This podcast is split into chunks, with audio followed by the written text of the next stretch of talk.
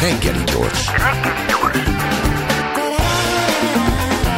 A Klubrádió reggeli információs műsora.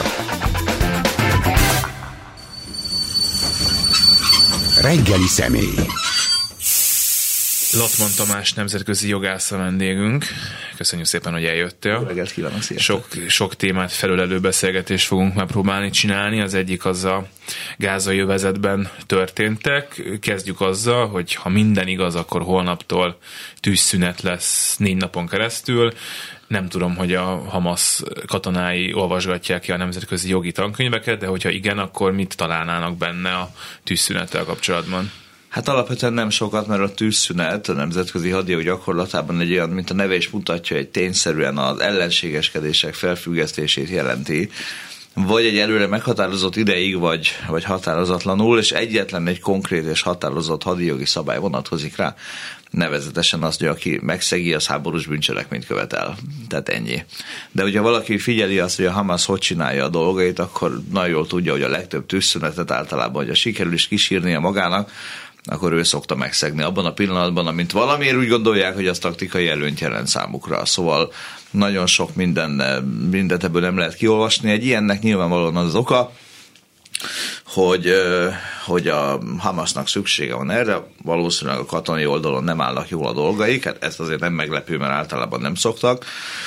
Izrael pedig olyan politikai nyomás alatt áll a nemzetközi közösség részéről, ami, ami miatt Izrael számára ez lehet, hogy politikailag éppen előnyös, hogy beleegyezzen egy ilyenbe. De mi lesz ennek a kifutása? És ténylegesen mennyi haszonnal fog járni a konfliktus lezárása vagy rendezése szempontjából? Tehát azzal kapcsolatban nekem komoly aggájaim vannak háborús bűncselekményről beszéltél, és akkor lépjünk egyet vissza a nagyon szokásos, de nagyon fontos kérdéshez, hogy itt egy állam harcol egy hát terrorszervezet ellen, vagy hát akkor szervezet ellen, erre ugyanazok a szabályok, jogi szabályok vonatkoznak, mint ha mondjuk két állam harcol egymással? Igen, erre a válaszom határozott igen, aztán egy kicsit cizelláljuk a dolgot. Ugye a jog, a nemzetközi jog az mást nem nagyon akar csinálni, nem is nagyon tud csinálni, mint egy egységes szabálykészletet alkot meghatározott helyzetre. Bocsánat, amely, amely helyzetnek vannak változó tényállási elemei, de az alap közös elemek ugyanazok, jelesül ellenségeskedések kerülnek végrehajtásra egy meghatározott területen. Hogy kik között meg hogyan, az majdnem lényegtelen nemzetközi jogi szempontból. Ráadásul ebben a helyzetben még azt is mondhatjuk, hogy a palesztin oldalon, tehát Palesztina már bőven belenőtt egyfajta államkategóriába, ezt még 10-20 évvel ezelőtt még lehet, hogy másképpen mást mondtunk volna, majdnem 20 évvel ezelőtt még a Nemzetközi Bíróság is mást mondott a bizton, izraeli biztonsági falal kapcsolatos ügyben, de ma már azt mondhatjuk, hogy Palesztina egy állam. A Hamas pedig, bár természetes, hogy terrorszervezet, ez azt gondolom, hogy nem lehet kérdő, megkérdőjelezni. Még akkor sem, hogyha Gázában effektív politikai hatalmat szerzett magának az elmúlt években sajnos, de igazából az alkalmazandó szabályok az ellenségeskedésekre, amelyeknek a legtöbb, a legtöbb szabály a védelemre vonatkozik, az emberiességre, emberiességi minimumokra, tehát, hogy a civileket szándékosan gyilkolni, szándékosan támadni nem lehet. Katonai objektumnak nem minősülő célpontokat szándékosan támadni, lerombolni nem lehet. Ezek a szabályok attól függetlenül alkalmazandóak, hogy kik a ténylegesen összeütköző felek annak lehet és van is jogi jelentősége, hogy mondjuk egy Hamas harcoló, és nem véletlenül használom a kifejezést, hogy harcoló, ahelyett, hogy harcos vagy kombattáns, mert az egy jogi kifejezés, a harcoló kifejezéssel viszont arra utalok, hogy itt vannak személyek, akik részt vesznek az ellenségeskedésekben. Tényszerűen, függetlenül attól, hogy nekik van-e arra joguk vagy nincs, Ugye egy izraeli katona logikusan ő harcosnak minősíthető kombattánsnak, tehát az ő harcban állása jogszerű a katona arra való, hogy harcba álljon. A Hamasnak a harcolói esetében ez így ebben a formában legalábbis megkérdőjelezhető, hogyha el akarnánk veszíteni az összes hallgatót, akkor most beleállnék bizonygatni, hogy akkor hogyan lehetnek a különböző érvelési irányok, de ezt inkább kihagyom ebből 20 év, 10 évvel ezelőtt írtam egy PHD diszertációt, akit érdekel, az olvassa el azt. De jelenleg én azt gondolom, hogy a Hamasnak a harcolói tekintetében a legtöbb esetben nem áll meg ez a jogszerűségi szempont, és a Hamas maga is egyébként működésében, jellegében ténylegesen terrorszervezet, hát csak emlékezz, emlékezzünk rá, az október 7-i műveletei deklaráltan arról szóltak, hogy minél több civil töljenek meg, meg minél több civil ejtsenek túlszul. Tehát, hogy ennek semmi köze a tényleges hadviseléshez nincsen. De egyébként ezen túlmenően az alkalmazandó szabályok azok nagyjából azonosak. Függetlenül attól, hogy itt most konkrétan milyen állam kontra terrorista szervezet, stb. stb. No, ez, ez fölvet nagyon sok egyéb gyakorlati jogi kérdést, amiről itt most nem, nem, nem, nem akarok hosszan beszélni, de, de az alkalmazandó szabályok nagy többségében azonosak. Tehát nincs. Azért nagyon könnyű politikai kifogás gyakran egy ilyen konfliktusban, adott esetben akár izraeli kormányzat részéről, hogy de hát ez egy olyan háború, amiben nincsenek szabályok, mert egy terroristákkal háborúzunk, nem, nem pedig egy másik állammal, és hát ilyenre nincsen szabály, ez egyrészt nem igaz, másrészt meg, meg van rá szabály. De ez egy politikai kifogás arra, amit államok szoktak ilyenkor keresni, és ebben nem Izrael állam van egyedül, ezt rögzítsük, ezt annak idején a terrorizmus elleni háború felkiáltással az Egyesült Államok is ipari mértékben csinálta, korábban Oroszország a Csecsenföldi háborújában ipari mértékben csinálta, és még lehetne sorolni a történelmi példákat. Ugye az államok mindig úgy működnek, hogy a háborúba keverednek valakivel, akkor azt egyrészt meg akarják nyerni, másrészt mindenképpen a saját korlátaikat le akarják bontani. Ilyenkor politikai dumának jó, hogy de hát ez nem is igazi háború. Most is a Putyin is azt mondta Ukrajna megtámadások, hogy hát ez nem is igazi háború, hanem különleges katonai művelet. Hát jogi értelemben ez zöldség. Ennek nincs jelentősége. Amikor azt mondják, hogy Izraelnek van joga megvédeni magát, és ugye ezt úgy teszi, hogy támad, és ezt, ahogy te mondod, a te értékelésed szerint, hogy egy másik állam területén teszi jelenleg, akkor ezt mi alapján teheti meg, és mit tehet, meg mit nem tehet. És tette olyat, bár beazonosíthatóan, amit nem tehetett mm. volna. Um, ugye az izraeli önvédelmi helyzetnek a jogi megítélése évtizedek óta leginkább azért problémás, és akkor erre most vissza fogok utalni majd megint a Nemzetközi Bíróságnak az imént említett 2004-es döntésére, ami higgyétek el, hogy nekem fájdalmat okoz, mert nagyon-nagyon nem értettem egyet ezzel a döntéssel, már akkor sem, amikor megszületett. Nem csak én tegyük hozzá a nemzetközi jogászok közül. Szóval az izraeli helyzetet mindig nagyon meghatározta az a tény, hogy a az izraeli önvédelemhez való jog, az mindig egy olyan entitással szemben jelentkezett, nem csak, nem csak a palesztinokkal szemben, volt az Libanonnal, Szíriával, Jordániával szemben is, de főszabály szerint, amikor a palesztinokról beszélünk, akkor mindig az a kérdés merül fel, hogy a másik oldalon mi van. Állam vagy nem állam? És az ENSZ alapokmány 51. cikke, ami kimondja az önvédelemhez való jogot, ez a legtöbb értelmezés szerint, ez igényel a másik oldalon is egy államot. Mondom, hogy az államnak az államban szemben van önvédelmi joga.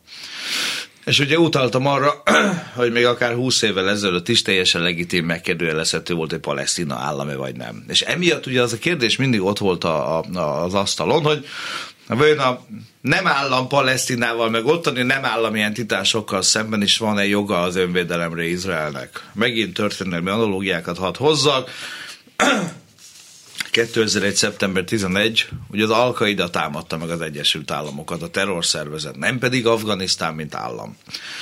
Mégis az Egyesült Államok azt mondta, hogy akkor én most Afganisztánra megyek rá. Mert ott van az Al-Qaida. És már többször szóltam Afganisztánnak, hogy csináljon valamit. És az ENSZ biztonsági tanács is szólt neki. Mindenki szólt neki, soha nem csinált semmit. Innentől kezdve akkor most már jövök. És önvédelem. És nagyon sok állam, meg nagyon sok politikai aktor, meg elemző mondta azt, hogy ez nem önvédelem így. Tehát ott is ez kérdéses volt. Én akkor is azon az állásponton voltam, hogy az 51. cikk az aranyos, hogy cuki, jó, hogy van, de van belette más is. Az 51. cikk maga is úgy van megfogalmazva, hogy nem kizárólagos úgy fogalmaz az 51. cikk, és ezt a nemzetközi joghallgatók általában nem szokták érteni, hogy miért, de hogyha belegondolnak, akkor megértik. Egy ilyen tényleg nagyon fura megfogalmazása van ennek a cikknek. Úgy fogalmaz a cikk, hogy a jelen a jelen fejezetben semmi nem korlátozza az államok önvédelemhez való természetes jogát, amennyiben fegyveres támadás éri őket.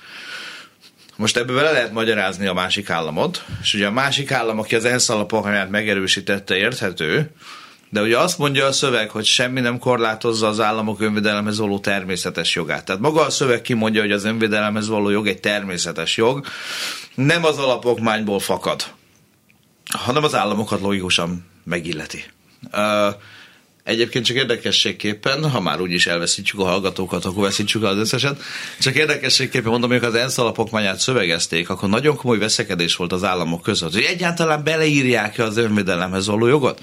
És az Egyesült Államok például azt mondogatta, hogy eszük, eszük, eszetek ágában ne, ne jusson, ne, hülye, hülyeség, nem csinálunk ilyet. Nem írjuk bele az önvédelemhez való jogot az ENSZ alapokmányban, mert minek? Úgy is van, tök evidens utolsó kicsi analógia, amikor 2011-ben mentek a viták az alaptörvény szövegezésekor. A végül az alaptörvénybe is bele lett írva az önvédelemhez való jog, amit ennek analógiájára én már akkor is mondtam, hogy teljes zöldség. Hát értelmetlen.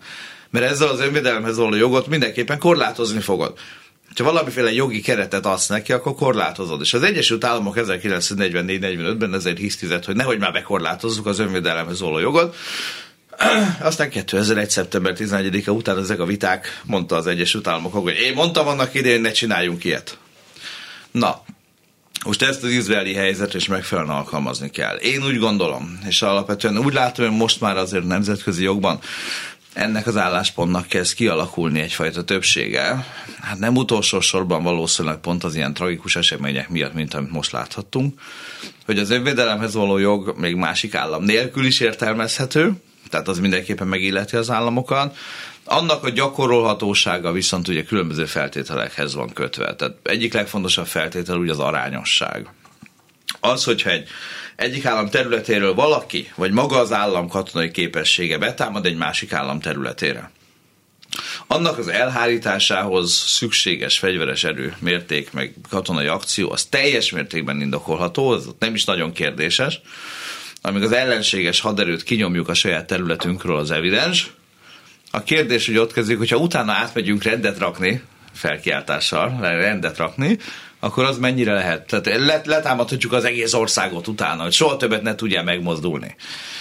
Most ez a fajta aránytalanság, ez, ez, ez, nem, ez, ez, ez, ez nem teszi azt jogszerűvé. Na most a jellegi palesztin-izraeli helyzetben és a Hamas tekintetében én úgy gondolom, hogy minden olyan katonai művelet, aminek az a deklarációja, hogy a Hamaszt megsemmisítse, az miután a Hamas maga az, aki megélhetésszerűen támadja meg Izrael folyamatosan, ennek az arányossági mércének megfelel.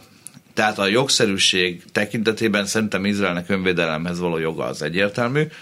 Ami egy következő kérdés, viszont ezt el kell tőle választani majd élesen, hogy az izraeli katonai műveletek során a hadviselés jogát azt mennyire kell tiszteletben tartani, azért, mert hogy ők önvédelmi helyzetben vannak, a válasz pedig erre nagyon egyszerű, teljes mértékben. Mert attól, hogy te önvédelmi helyzetben vagy, attól még a hadviselési szabályokat tökéletesen be kell tartanod százszerzalékig. Nem gyilkolhatsz le a harcokban részt vevő civileket csak azért, mert te most önvédekezel. Ez, ez, ez nem így működik. Még az önvédelme gyakorló államnak is teljes mértékben tiszteletben kell tartani a hadviselési szabályokat. És gyakran, ugye az izraeli-palesztin konfliktusban itt vannak a problémák, nem azért, mert Izrael rossz gonosz, hanem azért, mert egész egyszerűen a Hamas gátlás nélkül használ civileket, civil objektumokat. És nagyon gyakran állít elő olyan helyzetet, ahol az izraeli fegyveres erők még ha akarják, sem tudják teljes mértékben tiszteletben tartani a hadijogi szabályokat, és onnantól egy picit már egy ilyen politikaszagú kérdés lesz az, hogy akkor meddig, meddig viseli el az izraeli mm, hadijogsértéseket mondjuk a rendszer, meg maga a közvélemény, meg sok minden más. És erre látjuk az ilyen politikai válaszokat, hogy na de hát mi önvédekezünk, ami jogilag teljes zöldség, tehát semmi jelentősége nincsen, de politikailag viszont egy vitában működőképes lehet.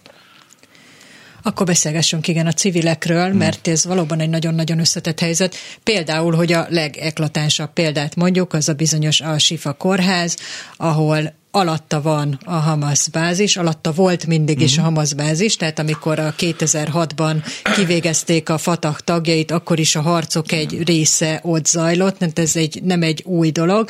Viszont hát ott meg tartani azt, hogy ne halljon meg sok civil, már csak azért is nehéz, mert Izrael ugyan rendre tájékoztatja előre a civil lakosságot, ami szintén egy nagyon összetett probléma, hiszen hiába mondja azt, hogy akkor 24 óráig van elmenekülni, ha a Hamas nem engedi őket elmenekülni, de egy kórházból effektíve nem is tudnak Igen, elmenekülni. Pontosan. Tehát, hogy itt, itt akkor ez jogilag hogyan lehet, vagy hogyan lehet megtartani az arányosságot hmm. úgy, hogy azért az alagút is megsemmisüljön, hiszen azért az elég fontos lenne, és hát minimalizáljuk a civil károkat. Ezt ugye a hadijogi szabályok úgy fogalmaznak egészen pontosan hogy a, a módszerek és eszközök megválasztásánál dől el a dolog, hogyha egy bármilyen random lakóház alatt egy pincében van egy ellenséges parancsnoki központ, amit lehet tudni. Ez egy random lakóház, akkor ez egy nagyon egyszerű és a hadijogi szabályokkal lényegében kap, konform megáll megoldás, hogy egy marha bomba a házra, az dőjön, dőjön össze az egész a fenébe, és temesse be a pincét. Az a hadijogi szabályok ezt megengedik. Amennyiben viszont kórházról van szó, vagy bármilyen egyéb más ilyen hasonló objektumról, az ellen is lehet támadást intani ilyenkor, mert a másik fél kezdte katonai célra használni.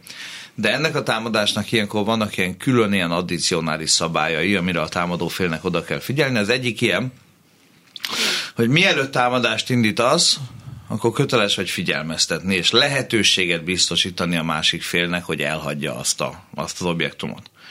Valahol a magyar médiában megjelent egy olyan értelmezés, ami egyébként teljesen hibás, de hát van ilyen, nem értette ez mindenki, aki beszél róla, hogy csak a civilek, hogy a civileket ki kell onnan engedni, ez tévedés.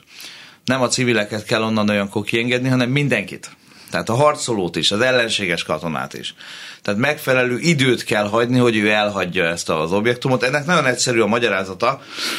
A hadijog úgy áll hozzá az ilyenekhez, meg az ilyen helyekhez, hogy értem én, hogy ti most itt gyilkolni akarjátok egymást, de menjetek odébb, jó? Tehát mindenki menjen el, ezt a kórházat hagyjátok békén a fenébe. Tehát a szabály ilyenkor az, hogy időt kell hagyni, hogy mindenki, és ezt mondom, hogy legfőképpen pont a harcoló felek, hogy kivonuljanak onnan. Ezt úgy kell elképzelni ténylegesen, hogy megvan mondva, hogy figyelj, van 24, 48, 72 órátok, hogy elhúzatok a fenébe, és megígérem, hogy addig nem terítem be géppuska tűzzel a kiáratot. De ez ennyi. Uh, akkor az szépen mindenki hagyja el a helyiséget, vagy a helyet, amit aztán utána szeretnénk megkímélni. Ha ez nem sikerül, meg nem történik meg, akkor be lehet menni. Nagyon fontos, hogy egy kórház esetében az, hogy távolról, magasról lebombázni az egészet, az nem lesz jogszerű, mert ugye tele van civillel, sérültel, beteggel, orvossal, stb. Tehát ilyenkor be kell menni, vagy be lehet menni, és az azt jelenti úgy, úgy arányos, hogy bemenni, és mondjuk a helységharcnak a szabályaiból nem a repeszgránáttal tisztítjuk a helységet, megoldást kell alkalmazni, mert ugye ott az nem jó, mert a kortermek, mert minden egyéb tele van. Ez egy nagyon nehéz katonai feladat ilyenkor.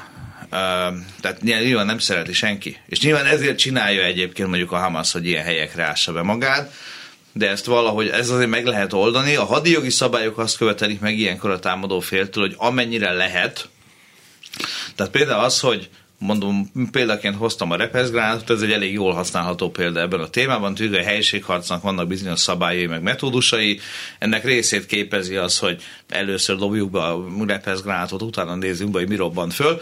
Na most ez normális körülmények között oké, okay, egy kórházban nem oké. Okay. Tehát ezeket a szabályokat ilyenkor, és ezeket a gyakorlatokat figyelembe be kell venni. De izraeli fegyveres erőknek sajnos elég jó rutinja van, mert sokszor kerültek már ilyen helyzetbe. Nem csak kórházban, hanem, hanem kulturális objektumok, stb. stb. területén. Tehát erre megvan a képesség, csak ugye ez sokkal veszélyesebb és sokkal nehezebb, mint egy, mint egy normális helyzet a túszok tekintetében milyen szabályok vannak, és itt most nem is arra gondolok, hogy a Hamas majd biztosan emberségesen fog velük bánni, és ezeket mind betartja. Inkább a kérdés az, hogy Izraelt kötik-e valamilyen szabályok, abban a tekintetben mondjuk, hogy mit kell azért tenniük, hogy a túszokat kiszabadítsák. Hát a válasz gyors és egyszerű, a túszokra nincsenek szabályok. Uh, elvileg a nemzetközi jogban bármi, ami túszokkal kapcsolatos szabály, ez viszonylag egyszerű, ilyen nem lehet. Tehát a túszszedés az egy tilalmazott ö, cselekmény, önmagában egy nemzetközi fegyveres konfliktusban, egy háborús helyzetben ez háborús bűncselekménynek minősül, háborús helyzeten kívül, tehát egy békédőszakos helyzetben pedig ugye a túlszedés, mint terrorista bűncselekmény értelmezhető. Ugye egy-egy cselekmény büntető jogilag más és másképpen minősíthető a körülményektől függően. Minden körülmények között ez a magatartás, ez bűncselekmény. A kérdés az, hogy terrorista cselekménynek látjuk, háborús bűncselekménynek látjuk, egyik sem jobb, mint a másik, de más a minősítés.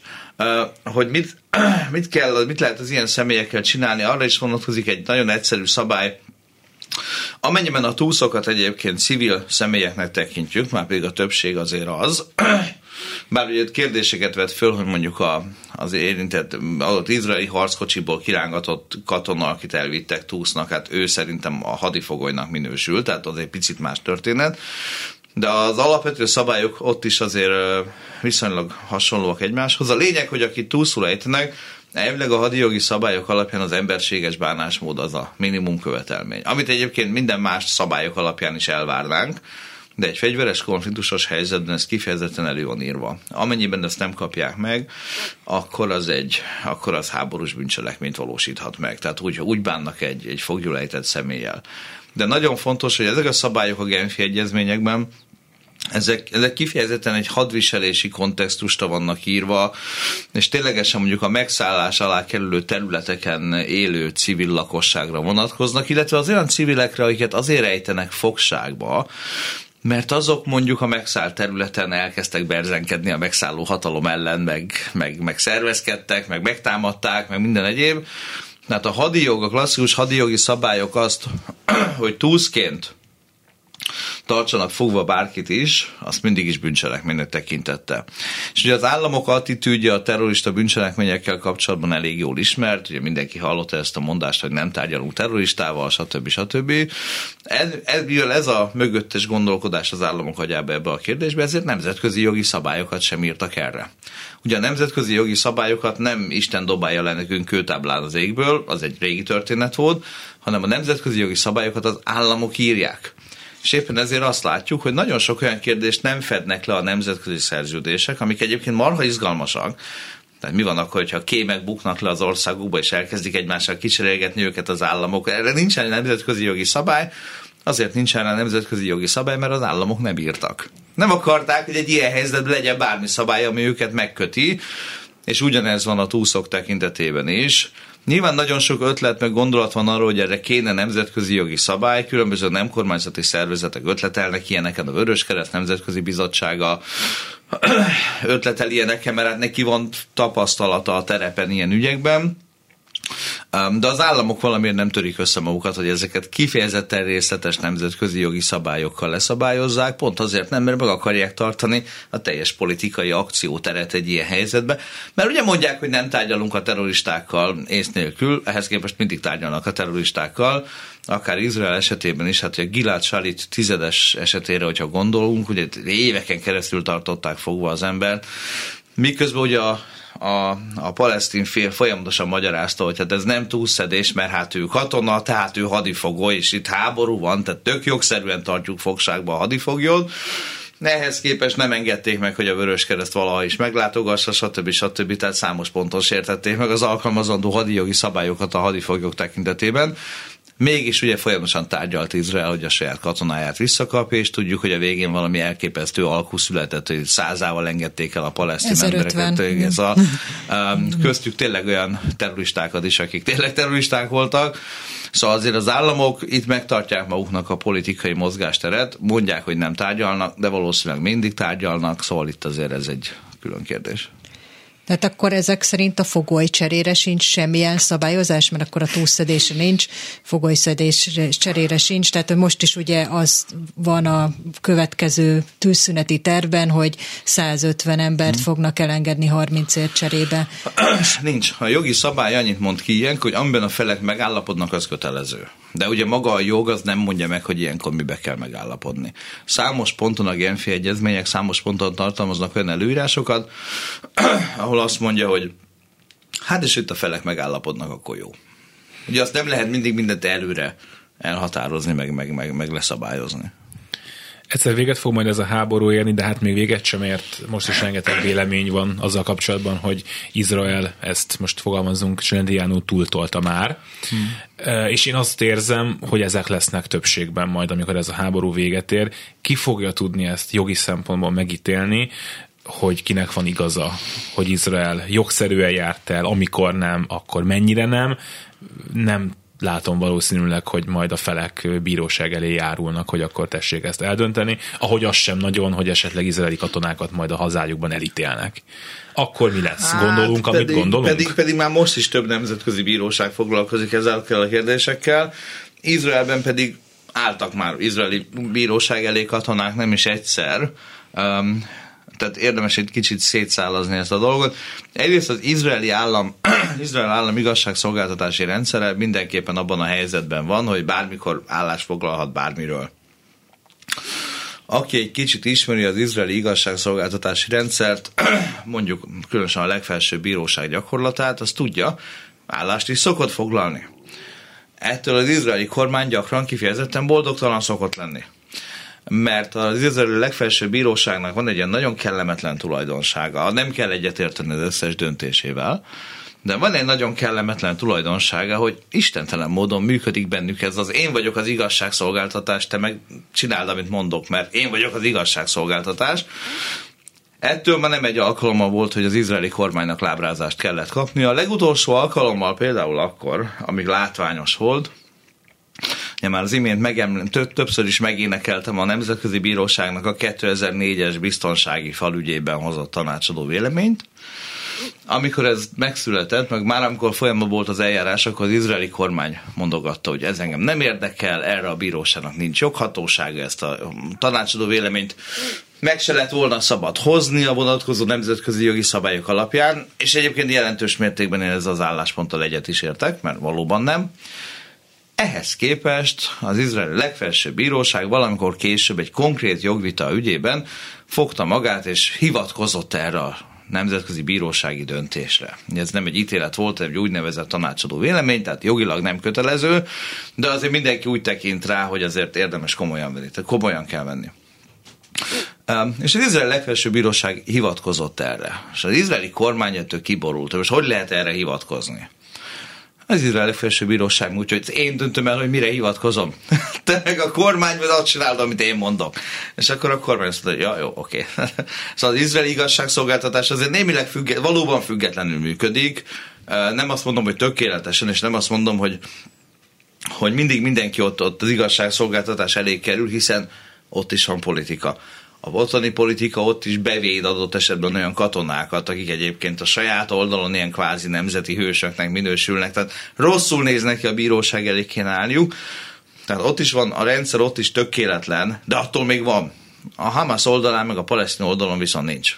Tehát ez egy, ez egy probléma. Első körben összeütköző felek saját maguk kötelesek biztosítani, hogy az ő aktorai, képviselői, katonáik, harcolóik, bárki a hadijogi szabályoknak megfelelően járjanak el. Na itt van egy nagyon nagy különbség sajnos, hogy itt az egyik oldalon látjuk, ha van egy tökéletlenül működő, de működő rendszer, a másik oldalon meg még ambíció sincs egy ilyen rendszerre.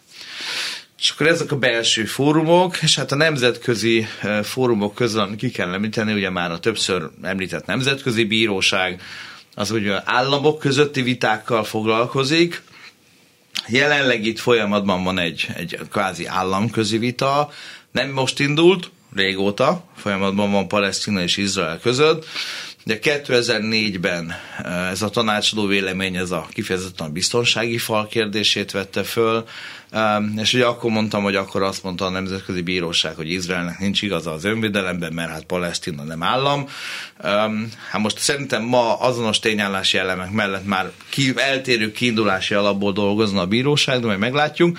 A másik, ami sokkal inkább izgalmas kérdés, az, az a Nemzetközi Büntetőbíróságnak a lehetősége. Ami ugye elvileg arról szól, hogy fegyveres konfliktusokban, például háborús bűncselekmények, egyéni jogsértéseket vizsgáljon ki, és adott esetben állapítson meg büntető felelősséget, és adott esetben büntetéseket szabjon ki.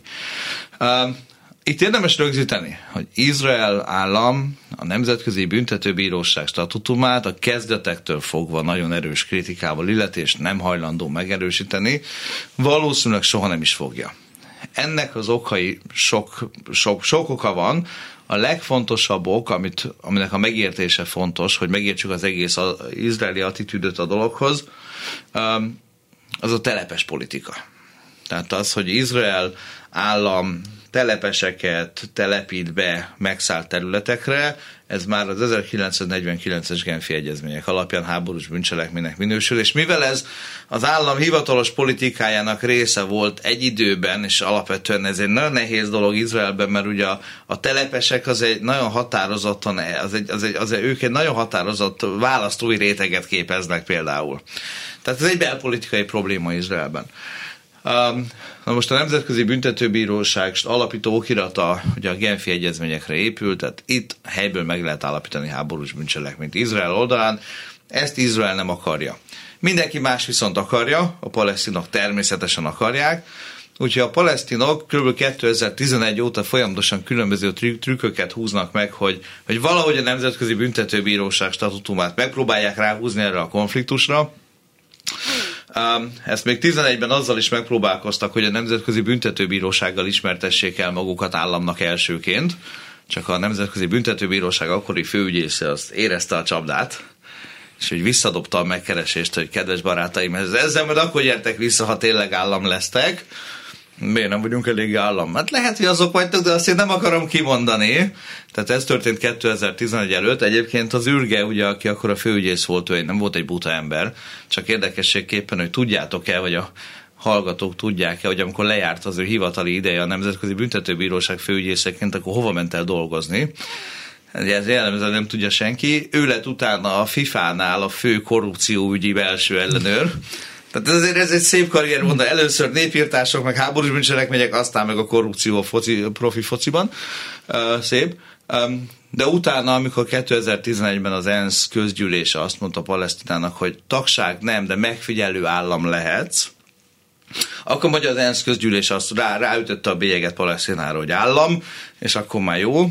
Utána Palesztina imáron államként 2015-ben ténylegesen ratifikálta is a Nemzetközi Büntetőbíróság statutumát, tehát részes állama lett a rendszernek, és azóta is folyamatosan próbálkozik azzal, hogy a bíróság területi joghatóságát valahogy megalapozza. Első körben azt csinálta a megerősítés után, hogy tett egy úgynevezett utalást, ezt ugye részes államok tehetik, hogy egy helyzetet odaadnak a Nemzetközi Büntetőbíróságnak. És akkor Palesztina azt csinálta, hogy miután ő részes állam lett, azt mondta, hogy kedves Nemzetközi Büntetőbíróság, én utalom hozzád ezt a helyzetet, ami itt van, a Palesztina helyzetet. Hogyha itt ez a kérdés, hogy oké, okay, Palesztina helyzet, de Palesztina állam, Palesztina állam területéről tud utalni. Mi Palesztina állam területe? Csak a palesztinok, hát Hát a folyótól a tengerig minden. Most ezt Izrael nem így gondolja, és senki más sem így gondolja. És utána ebből lett egy hosszú-hosszú eljárás, itt röviden zárom a dolgot, 2021-ben úgy döntött a Nemzetközi Büntetőbíróság, egyébként érdekességképpen Kovács Péter vezette tanácsa, hogy a Nemzetközi Büntetőbíróság területi joghatósága kiterjed a palesztin területekre, amit ugye a bíróság akkor úgy határozott meg, hogy az Izrael által 67-ben elfoglalt területek. Ami ugye a Jordán nyugati partja, Gáza, két legfontosabb pont. Csak megint izgalmas, ez egy 60 oldalas ítélet volt, ehhez Kovács Péter egy 163 oldalas külön véleményt fűzött, tehát ezt mindig szoktam mondani, hogy tessék elolvasni, akit érdekel, mert egyébként érdemes. A lényeg az, hogy azóta ugye a bíróság úgy tűnik, hogy igenis gyakorolhatja a büntető joghatóságát, ami azt jelenti, hogy a mostani konfliktusban is Ezeken a területeken az elkövetett bűncselekményekre kiterjed a Nemzetközi Büntetőbíróság joghatósága, még akkor is, hogyha Izrael ugye nem vetette alá magát ennek a bíróságnak soha, de hogyha egy izraeli fegyveres erő tagja, izraeli katona vagy bárki, ezeken a területeken elkövet egy háborús bűncselekményt, akkor elvileg ott a bűn, Nemzetközi Büntetőbíróság eljárhat. Most ettől sokan lábrázást kapnak, szerintem ez nem rossz abból a szempontból, van egy működési elve a Nemzetközi Büntetőbíróságnak, az utolsó gondolat, az úgynevezett komplementaritás elve. Ez azt jelenti, hogy a Nemzetközi Büntetőbíróság csak akkor járhat el, és ez egy nagyon nagy különbség például a hágai Jugoszlávia törvényszék, vagy a Ruanda törvényszékhez képest, a Nemzetközi Büntetőbíróság csak akkor járhat el, hogyha az érintett állam nem tud vagy nem akar eljárni. Izrael bármikor mondhatja, és el is fogják neki hinni, hogy ő azért nem ad ki egy izraeli katonát, vagy akárkit a Nemzetközi Büntetőbíróságnak, mert neki független igazságszolgáltatási rendszerében ott majd eljárnak. Szerintem ezt, ezt nem lehet azt bizonyítani, nem lehet azt állítani, hogy Izrael ilyet ne tenne. Tehát nem áll fönn az a veszély azonnal, hogy izraeli katonák repülnének Hágába a büntetőbíróságra, ez nem reális, de az elméleti lehetősége fönnáll, és ez azért jó szerintem, vagy hasznos, mert így az izraeli kormányzat rá van kényszerítve, vagy ő maga komolyan gondolja a saját felelősségét. Szóval én nem vagyok annyira pessimista ebben a témában, mint sok más kollégám, aki ezzel valamennyire foglalkozik, mert én azt gondolom, hogy a Nemzetközi Büntetőbíróság rendszerében benne lenni, az arra készteti az érintett államot, hogy egyébként normálisan csinálja azt, amit amúgy is kéne, hogy csinálja.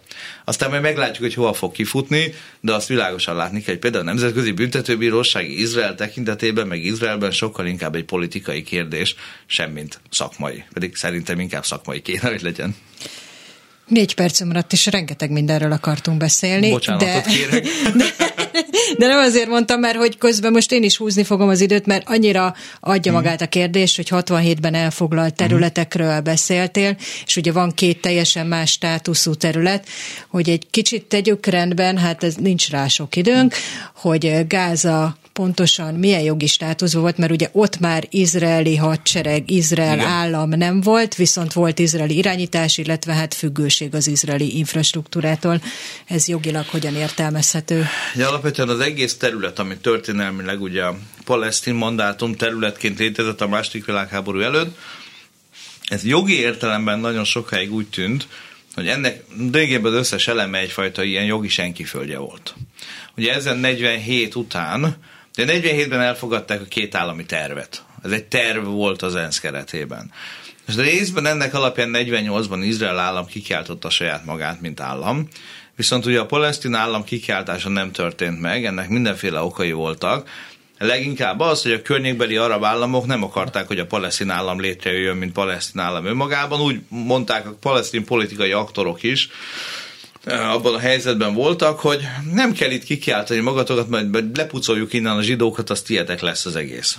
Na ez nem jött be.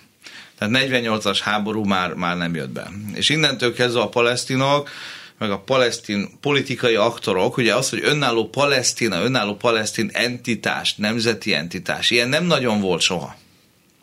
Ez mindig ez a palesztin nemzeti entitás, meg a palesztin politikai érdek, ez mindig valahogy eloldódott egy ilyen nagy pánarab gondolkodásban, aminek valahogy mindig az ellenoldalán ott volt Izrael. Tehát a palesztinoknak esélyük nem volt soha, hogy normális politikát alakítsanak ki Izrael tekintetében, pedig hát csak nekik lett volna igazából ez fontos. Azok a területek, amiket Izrael 67-ben elfoglalt a hatnapos háború során, Ugye ezeket a köznyelv gyakran hívja megszállt területeknek, mert hogy egy katonai megszállás, viszont Izrael hivatalosan mindig is ellenkezett és elutasította ezt a megfogalmazást. A következő indokkal, ez nem lehet megszállt terület, hiszen a megszállás az államok közötti viszonyra vonatkozó probléma, és ezeken a területeken nem volt soha állam. Jordán folyó nyugati partja. Senkihez nem tartozott jogi értelemben 67 előtt. Illetve most érvelhetünk, hogy Jordániáé volt. A probléma az, hogy Jordánia lemondott ezekről a területekről deklaráltan korábban Palesztina javára, amely Palesztina nem létezett. Tehát akkor érvényesnek tekintjük a lemondó nyilatkozatot, és akkor senki, akkor Palesztináé, ami viszont nem létezett, vagy nem tekintjük annak, akkor még Jordániáé, de Jordánia éjjel-nappal mondogatja, hogy semmi közöm a területhez. Jézus Mária, vigyétek tőlem minél messzebb. Én nem akarok ebbe benne lenni, különösen a 67-es háború után. Tehát Jordániának nem kell az a terület, úgymond soha nem volt az övé saját értelmezésében, és nem akar problémákat Izraellel. Tehát Izrael meg innentől kezdve azt mondja, hogy hát akkor ez ilyen senki földje. Akkor itt nincs megszállás. Mert ugye a megszállás azt jelenti, hogy egy állam másik állam területére vonul be. Itt nincs állam. Gáza hasonló. Ugye Gáza korábban Egyiptom, hoz tartozott, de Egyiptom soha nem tekintette azt a saját területének. És egészen 2005-ig, amíg volt egy tényleges megszállás Gázába, addig ez jogilag nem volt egy, szerintem egy, egy, egy, egy nehéz kérdés. A probléma ott romlott el, amikor Izrael onnan egyoldalúan kivonult, de Gázát ugye a mai napig egy olyan kontroll alatt tartja, hogy ott nincsen önálló államiságra lehetőség. Ezt sokan a mai napig megszállásként értelmezik, én nem, de sokan igen, és ugye a hivatalos arab meg palesztin politika is annak tekinti. És elfogyott az időnk ahhoz, hogy belemenjünk abba, hogy mi fog történni vajon ezzel a területtel a következő években. Latman Tamás nemzetközi jogásznak köszönjük szépen, hogy itt voltál. Köszönöm szépen. És ezzel a műsor véget ért. elkészítésében segítségünkre volt Simon Erik Alantai Miklós és Zsidai Péter elköszönnek a műsorvezetők. Herskovics Eszter. És Sálmeci János, köszönjük a figyelmüket, minden jót. Reggeli gyors, nem maradjon le semmiről.